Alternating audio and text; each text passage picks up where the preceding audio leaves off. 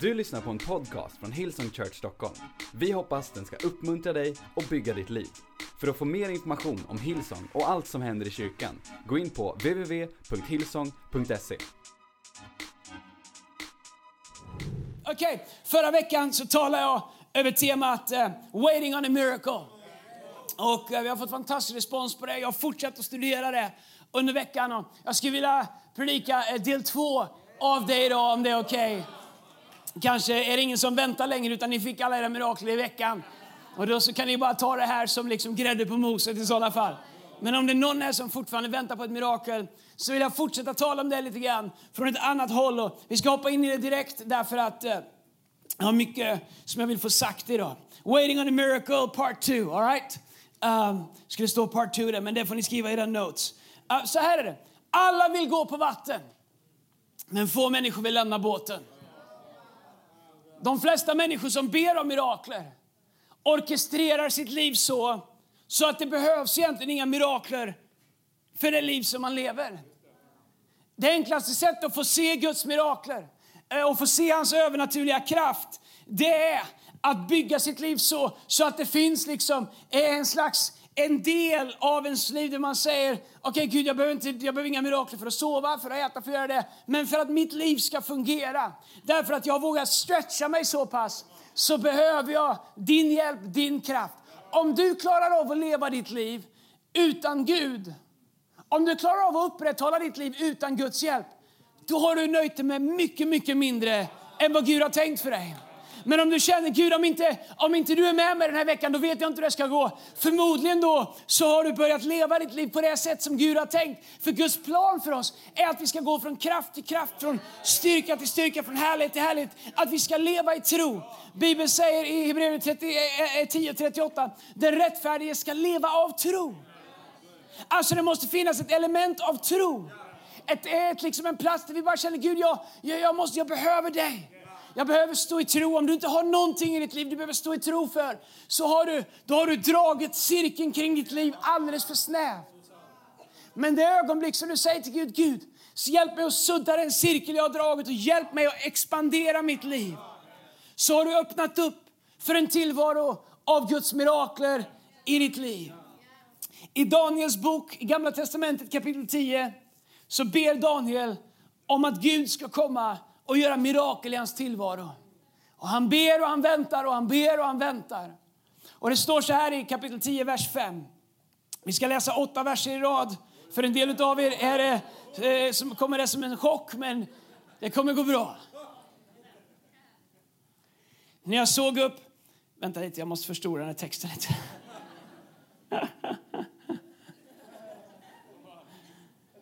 När jag såg upp när jag såg upp... Vänta, jag måste...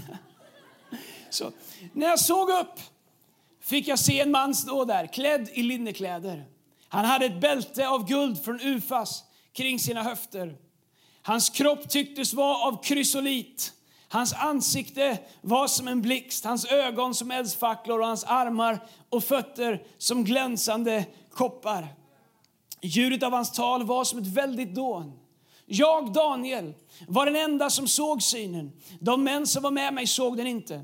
Men stor förskräckelse föll över dem så att de flydde och gömde sig. Jag blev ensam kvar och när jag såg den stora synen försvann all min kraft. Färgen vek från mitt ansikte så att eh, det blev dödsblekt och jag hade ingen kraft kvar. Då hörde jag ljudet av hans tal och när jag hörde det och föll, eh, när jag hörde det föll jag bedövad ner med mitt ansikte mot jorden. Då rörde en hand vid mig och hjälpte mig upp på mina darrande knän och händer. Jag älskar hur Gud är. David faller ner bedövad. Då rör en hand vid honom och hjälper honom upp. Jag vet inte vad din bild av Gud är, men där fick du den riktiga. Då hörde jag ljudet av hans tal och när jag hörde det följde jag. Det har vi sagt ja. Då rörde en hand vid mig, det har vi också gått igenom. Då rörde en hand vid mig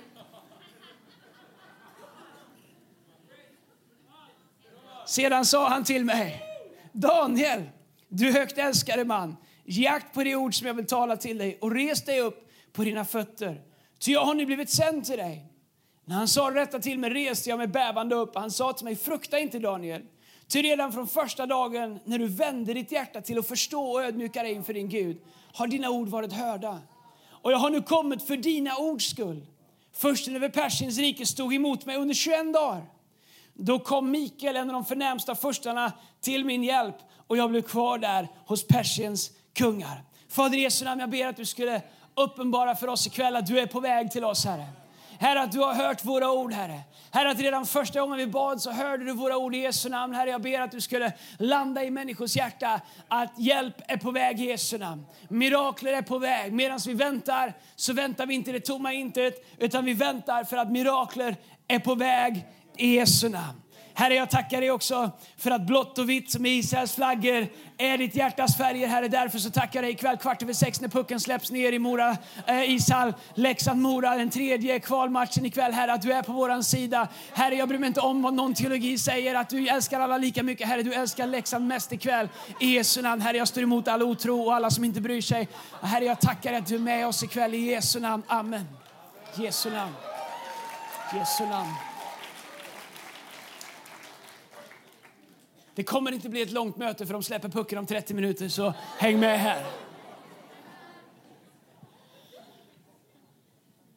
Daniel fick vänta på ett bönesvar. Han hade bett, men inget hade skett. Han hade bett, men inget hade hänt. Vad gör vi när vi har bett, men det känns som allt är likadant när vi är klara med våra böner? När vi har bett våra bästa böner med vår bästa tro, men allt ser likadant ut. Hur enkelt är det inte för oss att ge upp där och då?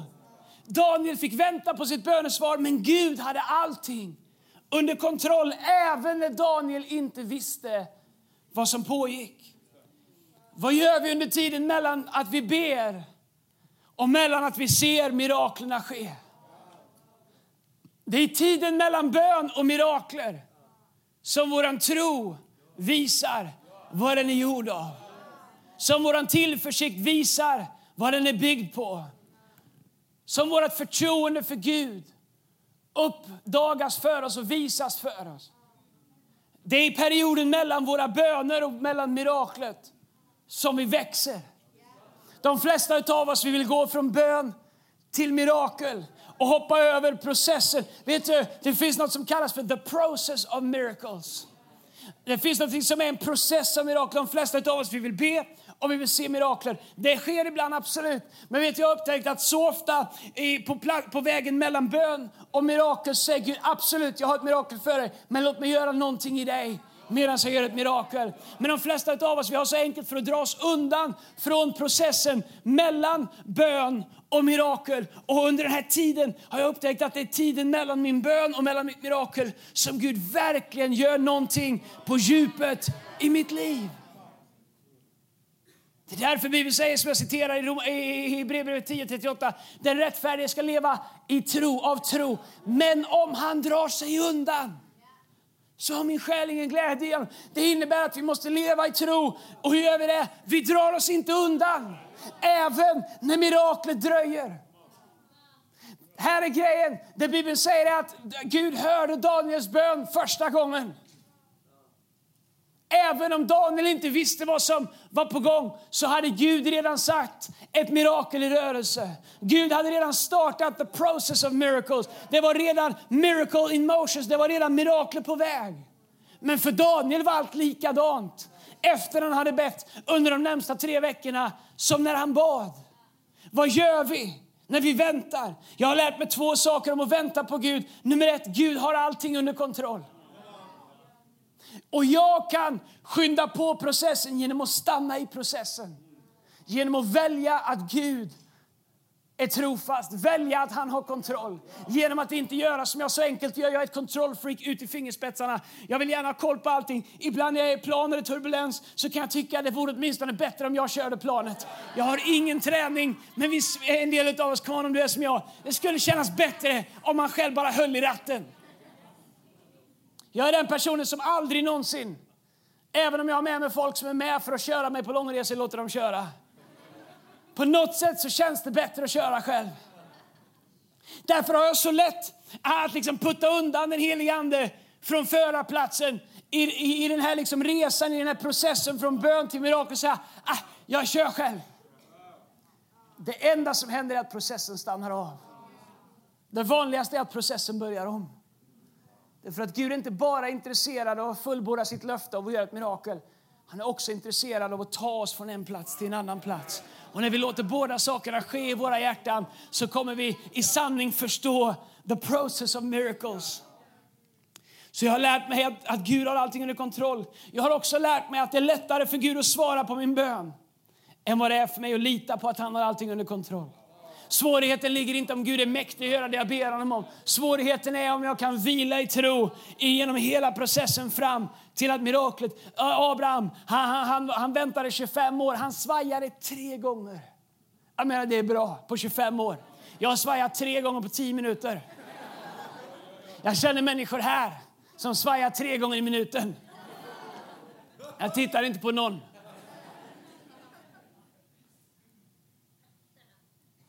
Vad sa Gud då? Abraham, gå ut och räkna stjärnorna. Vad är det han gör? Han påminner om, om skillnaden mellan hur stor Gud är, han som har gett löftet, och hur små vi är. Vi som vill ta kontrollen i våra egna liv. All right. Så vad gör man medan man väntar? Hur, vad gör man medan man går processen?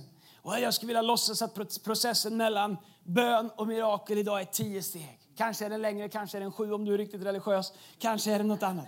Idag är den tio. Varför är den inte tolv? Varför är den inte sju? Därför att jag har tio saker jag vill säga dig. Tio steg mellan bön och mirakler. Är du redo? Nummer ett, bli inte passiv. I Jeremia kapitel 29 så, så står det om i eh, vers eh, 4. Israels folk är i fångenskap. Okay?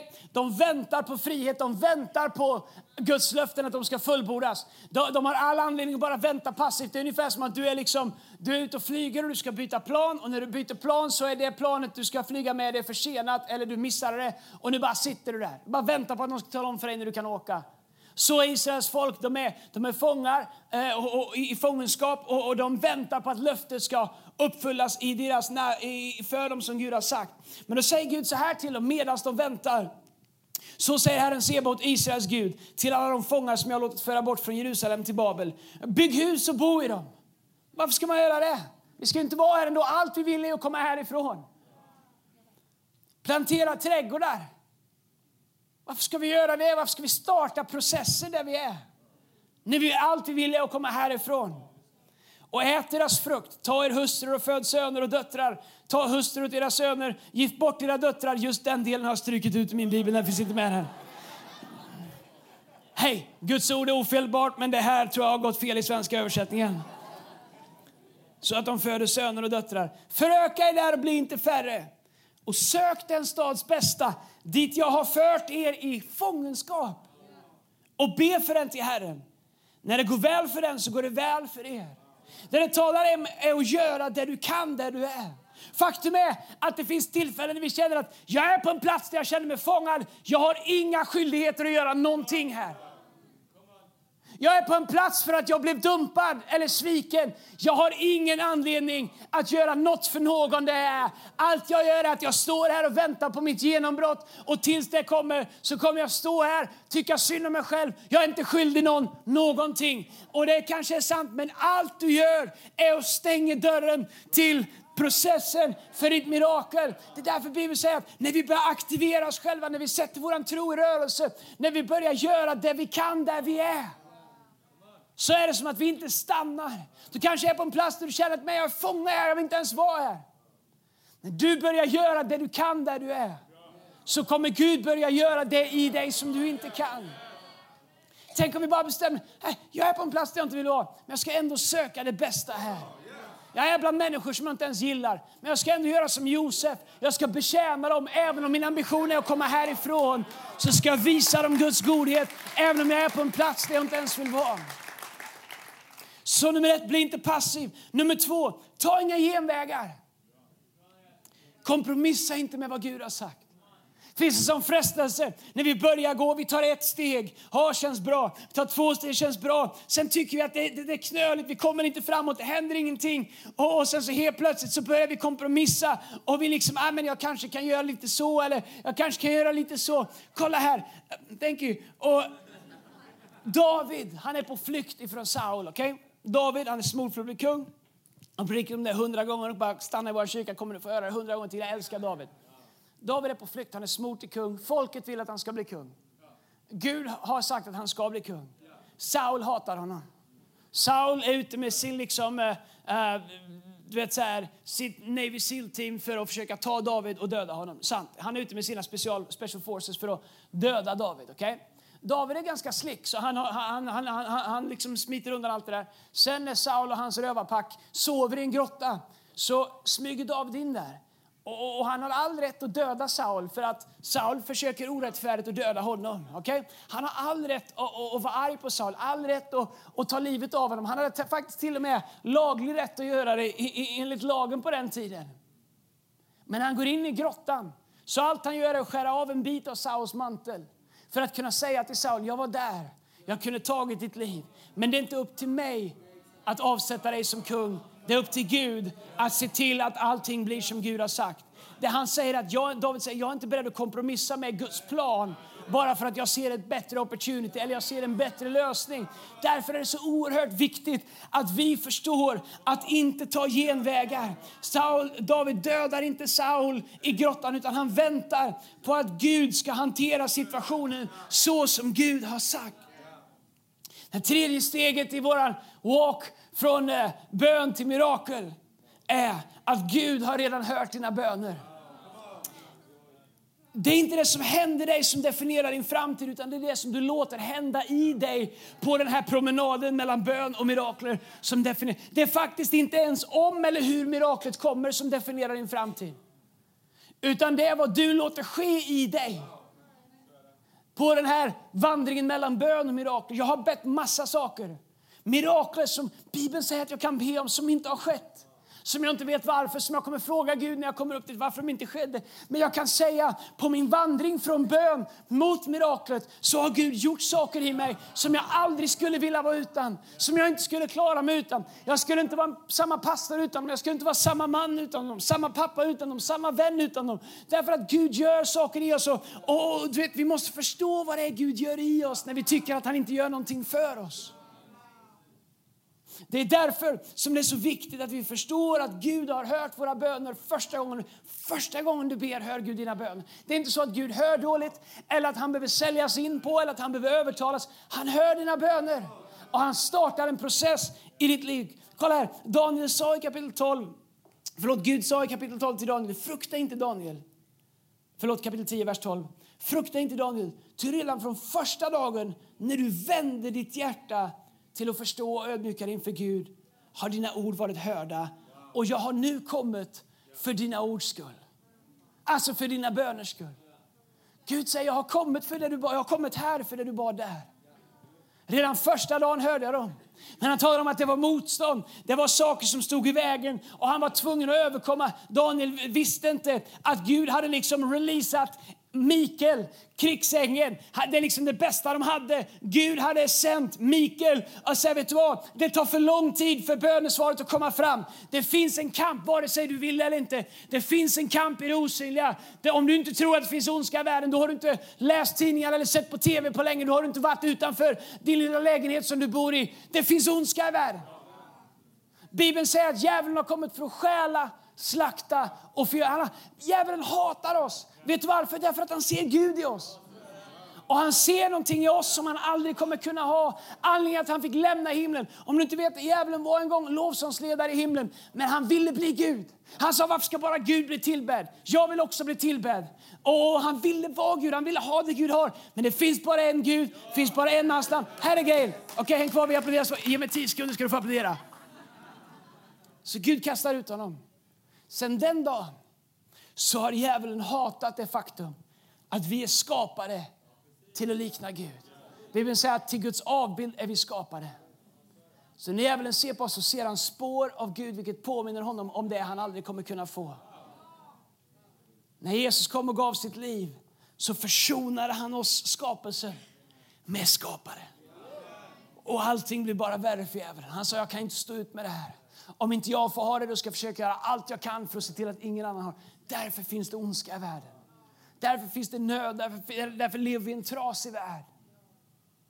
Det finns en kamp över våra liv, var och en av oss. Och det fanns en kamp över Daniels liv, över Daniels situation. Och det fanns on, ondska som försökte bromsa bönesvaret från att komma. Så Gud i sin kraft, han säger, okej, okay, They want to put up a fight. Jag skickar Mikael. Mikael, unleash the dogs. Och sen så kommer Mikael, eh, ärkeängeln. Det var meningsfullt Och så kommer Mikael, eh, ärkeängeln. Och, och, och så slåss han. Och sen så bryter han igenom. Vet du vad? Ibland måste vi lära oss att be mer än en gång. När jag växte upp, vilket låter som det var 100 år sedan, det är det inte. Det var bara drygt 25 år sedan. När jag växte upp och så hade vi, jag har sagt någon gång innan, i källaren Pingstkyrkan i Tidaholm så följde jag med dit ibland. Och, och man hade en hög med, med såna här vadderade lappar, eller så här sittdyner ser ut som. Men det var inte sittdyner. De fick man ta på bönemötena för man böjde knä på bönemötena. Och det var som en liten, liten vadderad lapp som man la knäna på när man bad. Och där höll man på och man bad och man bad och man bad och man bad. Och det fanns ett uttryck som hette att man ber tills det bryter igenom. Uthålliga i bön. Jesus ber i ett semane och han kommer tillbaka till lärjungarna som har somnat efter en timme. Han säger, kunde ni inte ens be med mig en timme? Du vet, ibland så måste man be mer än... Det finns, ett, det finns ett någonting som är fint som jag gillar. När man säger att man suckar när man ber till Gud. Det låter lite deppigt, men förr sa man det. Jag ska sucka för dig. Henry, mammas gubbe, han säger ibland, jag, jag suckar för er Andreas där uppe ska ni veta. Han menar av hela sitt hjärta. Jag vet han ber för oss varje dag och ber för mig varje dag. Men vet du vad, ibland måste man göra mer än bara, ja käre Gud, gör någonting. Ibland måste man be. Ibland måste, måste man förstå att våra böner är ammunition. Våra böner är liksom, det är liksom som kanonkulor som successivt bryter ner det motståndet som står i vägen. Om det inte funkar första gången, så be igen. Om det inte funkar andra gången, så be igen. Om det inte funkar tredje gången, så be igen. Be uthålligt, be i tro. Fortsätt att banka, står bulta, banka så ska dörren öppna. Det säger inte hallå, nej, Nej, nej, de öppnar aldrig. Det står bult. Den här är för dyr för att bulta. Det står bulta, banka. Om du har haft barn som vill komma in i ytterdörren och råkar vara låst så låter det som att de ska springa igenom. Och hinner man liksom inte öppna på första millisekunden så det, förstår du? Eller de ropar på dig från nedervåningen. Pappa! Hinner man liksom inte få in liksom första stavelsen av ja där så fortsätter de ropa. 21 dagar tog det för ängeln att ta sig igenom det motstånd som försökte blockera bönesvaret. Det finns en Gud som har ett mirakel som är på väg till dig. Här ikväll så finns det mirakel som är på väg till dig. Jag skulle vilja utmana dig att uthålligt fortsätta att be. Därför att Gud han är mäktig att sända sina änglar för att riva ner allting i det osynliga som försöker blockera, som försöker hindra, som försöker stoppa det som Gud har på väg till dig. Come on, har han sagt det så fullbordar han det. Har han börjat det så kommer han slutföra det i Jesu namn. Bibeln säger den kamp vi har att utkämpa är inte en kamp mot kött och blod utan mot andevarelser i himlarymden. Och så säger han, Herren ska strida för er och ni ska vara stilla. Det betyder att vi behöver inte strida, men vi kan be, vi kan vila i Gud och vi kan sätta vårt hopp till Gud i Jesu namn. Och jag har massa punkter kvar och inte så mycket tid. Vilken tid är vi på? Vilken, eh, punkt tre? Fyra, har jag sagt fyra? Nej, det var det jag tänkte. Alla Excel-människor här som har koll på punkterna. Fyra, Lita på att Gud arbetar när inget verkar hända. Jag älskar det bibelord som Lina läste här. Hon har säkert hört att det finns i min predikan. Hon tjuvläser om och snor saker för mina utkast. Jag älskar psalmerna 27. Där det står att om inte Herren bygger huset arbetar arbetarna förgäves. Vi kan ha massa saker i våra liv som inte Gud har gett till oss. Ibland är det som ser ut som en välsignelse i våra liv. Okay. Låt säga att jag bara talar till mogna kristna här som väljer att aldrig missförstå mig. Ibland är djävulens bästa taktik i våra liv för att hålla oss borta ifrån det som Gud har kallat oss till. Välsignelser. Han säger det till Jesus. om du bara ber mig så ska jag ge dig bröd. Vad är bröd? Bröd är en bild på supply. Vad vi, vad vi tycker att vi behöver. Jag undrar om det är så ibland att vi nöjer oss med det som ser ut som välsignelser istället för det som Gud verkligen har sagt. Det är därför vi lever i en värld där man måste hänga med i racet. Man måste skaffa sig alla andra har. Och vid en viss ålder måste man ha gjort det. Och man måste följa samma mönster. Man måste, jag är för att plugga, jag är för att jobba, jag är för allt det. Och jag är för att människor bygger sina liv. Och Gud vill välsigna dig mer än vad du vill bli välsignad. Så det är inte det jag säger. Men ibland så är det så att det finns saker i våra liv som ser ut som att Gud har välsignat oss. Men egentligen så är de inte ens från Gud. Det enda det gör är att blockera oss från att behöva leva i tro och upptäcka det som Gud verkligen har för mig. Jag har hellre en trebenspall i en tom lägenhet och vara på den plats där Gud har kallat mig till att vara än att bo i ett palats där Gud aldrig någonsin har bett mig att vara med guldkranar och med allt annat som finns där. Jag säger inte att antingen eller. Du kan bo i ett palats kallad av Gud, absolut. Come on somebody. Men om det står mellan att ha vad världen säger är ingenting så säger Bibeln vad hjälper en människa om hon vinner hela världen men förlorar sin egen själ? Jag satt och pratade med en man i vår kyrka som heter Asefa. Han kommer från Etiopien. Brukar komma till våra norra campus. Jag vet inte ens om jag får säga det, men nu gör jag det. Vi får se, jag kanske inte hinner alla punkter. Vi får ta del tre nästa vecka kanske.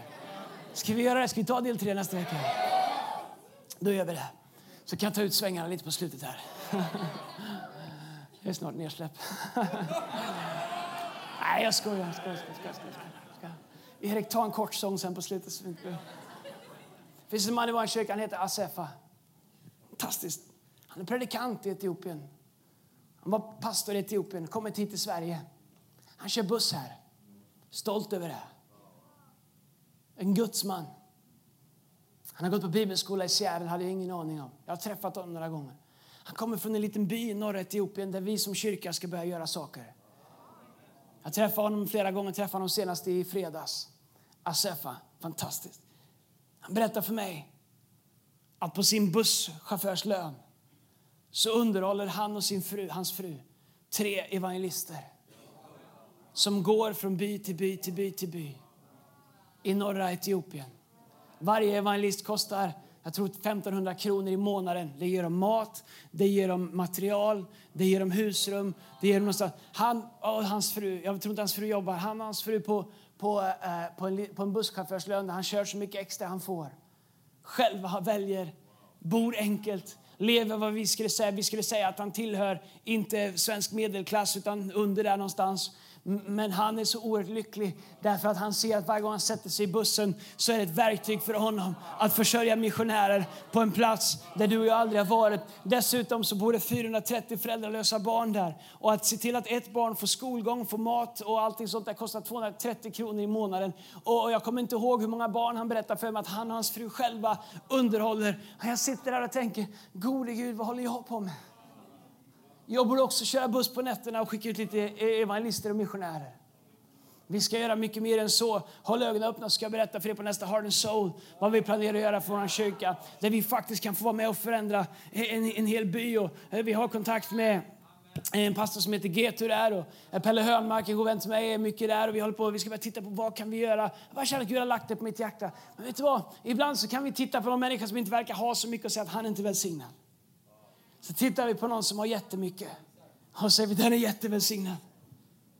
Jag undrar när vi kommer till himlen och det är dags att stå inför Gud. När Gud säger att ni ska bli belönade för vad ni har gjort med den talent som ni fick i er hand. Bibeln säger samla inte skatter här på jorden där malan att förstör. Han säger inte att det är fel, han säger bara att låt inte, låt inte ägodelarna vara ert hjärtas skatt. Han säger samla dem i himlen där ingenting kan komma åt dem. För en dag så kommer vi stå inför himlen. Och Bibeln säger att när vi kommer fram dit så finns det en krona som väntar på oss. Du förstår att, att, att ta emot Jesus i våra liv. Jag ska försöka att den här predikan inte drar iväg åt fel håll. Men att ta emot Jesus i våra liv, det ger oss access till himlen. Det räddar oss evigt, förlåter våran synd, ger oss tillträde till himlen. Relation med Jesus, relation med Gud.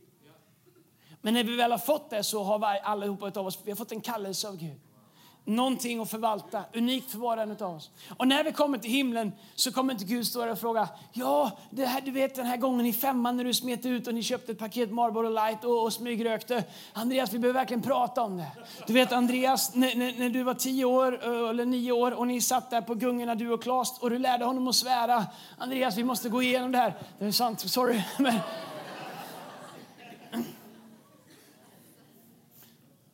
Jag har lite ångest för han är inte med i kyrkan idag.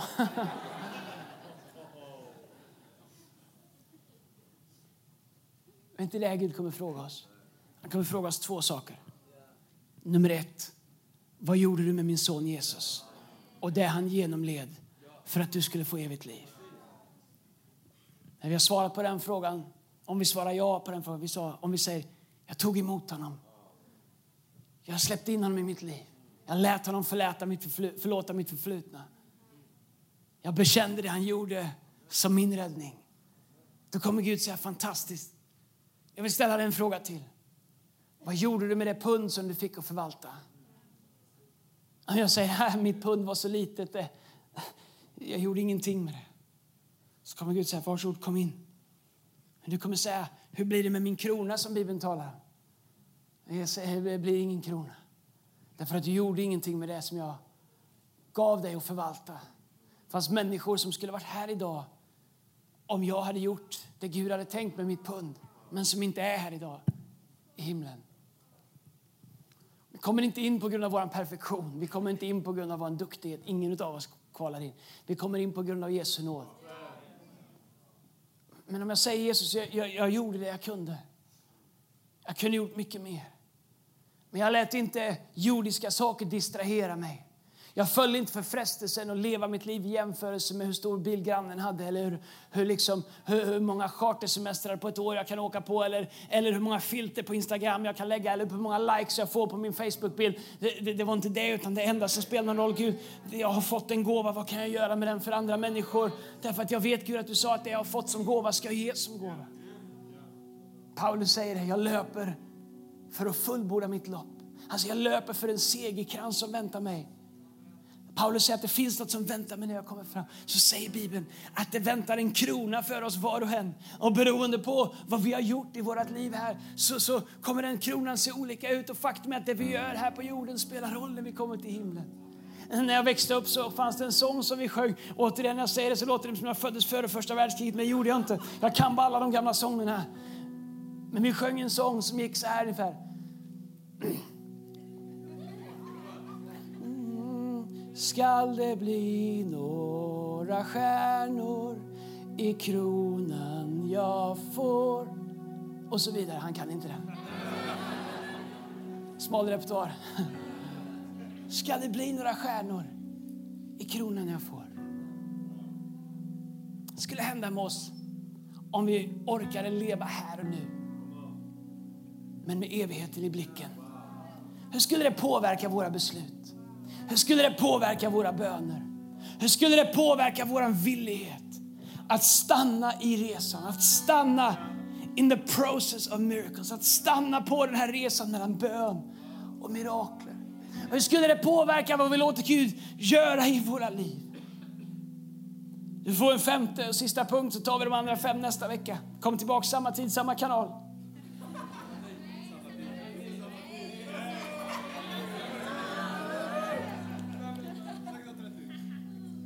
Herre, förlåt dem.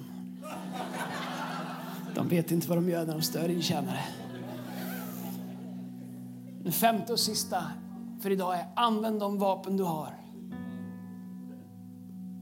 Så det mänskliga i oss vill alltid fokusera på det vi inte har.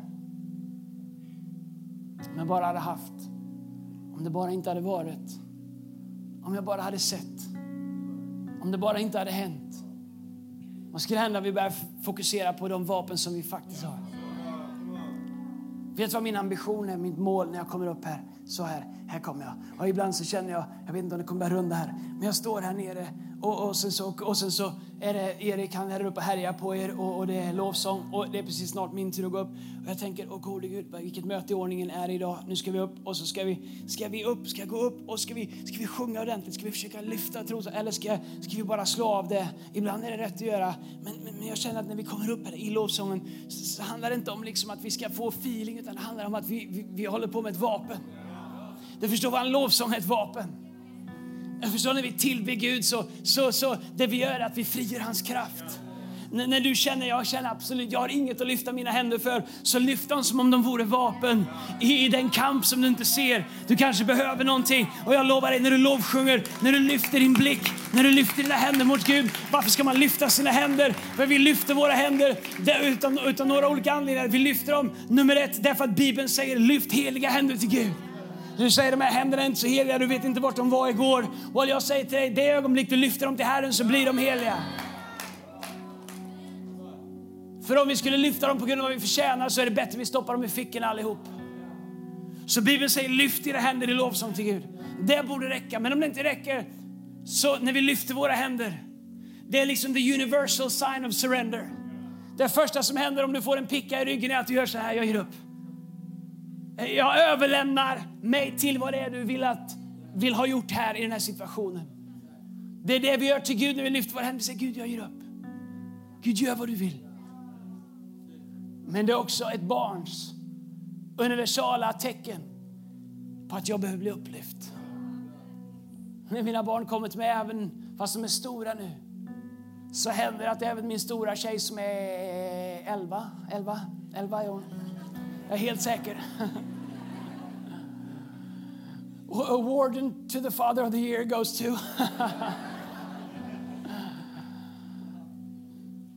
det händer att hon kommer till mig.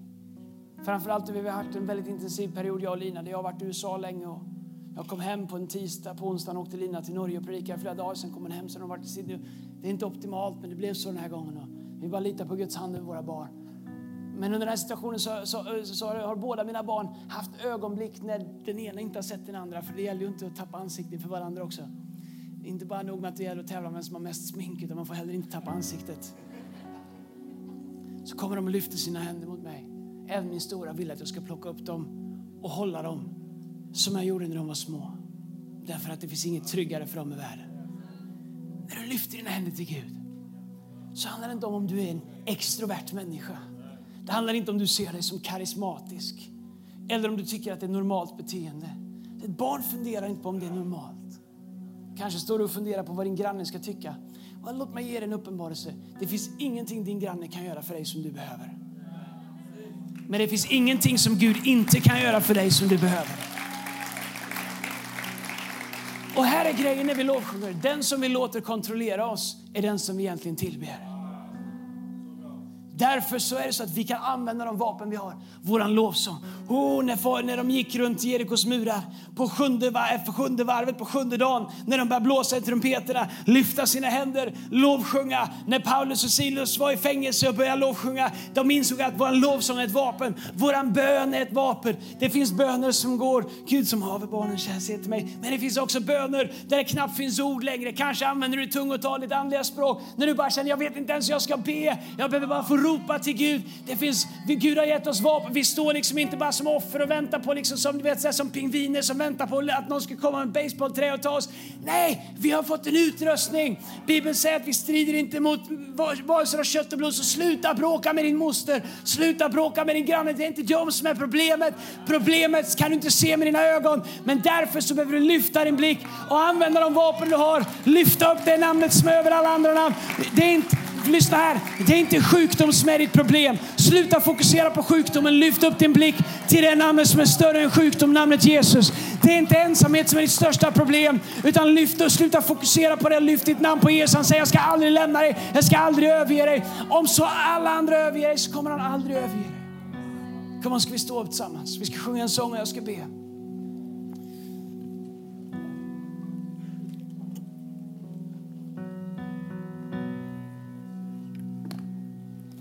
Kom tillbaks.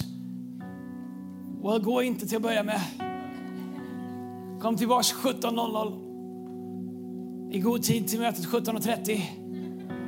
Kom tillbaks 17.30 och 19.00 nästa vecka om du vill höra andra halvan på den här predikan. Vad är det jag vill göra? Jag skulle vilja att vi sjunger. All right? Du får göra vad du vill med det. Du kan... It's up to you. Jag är bara budbärare. Jag skulle vilja att vi sjunger som att vår röst är ett vapen ikväll. Jag skulle vilja att vi sjunger som våra upplyfta händer om du vill. Är händer till Gud. Vi säger Gud, jag lämnar över kontrollen över min situation till dig. Här ikväll, I surrender. Här ikväll, Gud, Bibeln säger att vi har fått barnaskapets ande som ropar ifrån vårt inre Abba fader. Det är samma sak, Abba fader. Så när vi lyfter våra händer så är det vårt kroppsspråk säger Abba, fader. Oavsett vad du behöver så är han här idag för att ge dig allt vad du behöver. Kanske är det idag du tar ditt sista steg i din process of miracles. Kanske är det idag du tar ditt sista steg och miraklet som för Daniel tog 21 dagar. Kanske är det idag, här ikväll som Gud har bestämt mötesplats med dig här ikväll för att ge dig det genombrottet.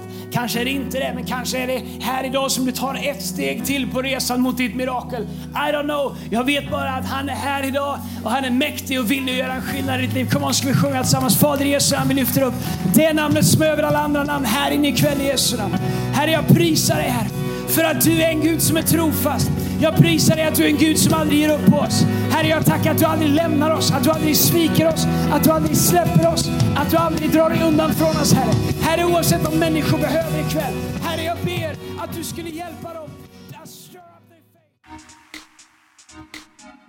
Du har lyssnat till en podcast från Hillsong Church Stockholm. Om du vill veta mer om vår kyrka eller om våra söndagsmöten, surfa in på www.hillsong.se.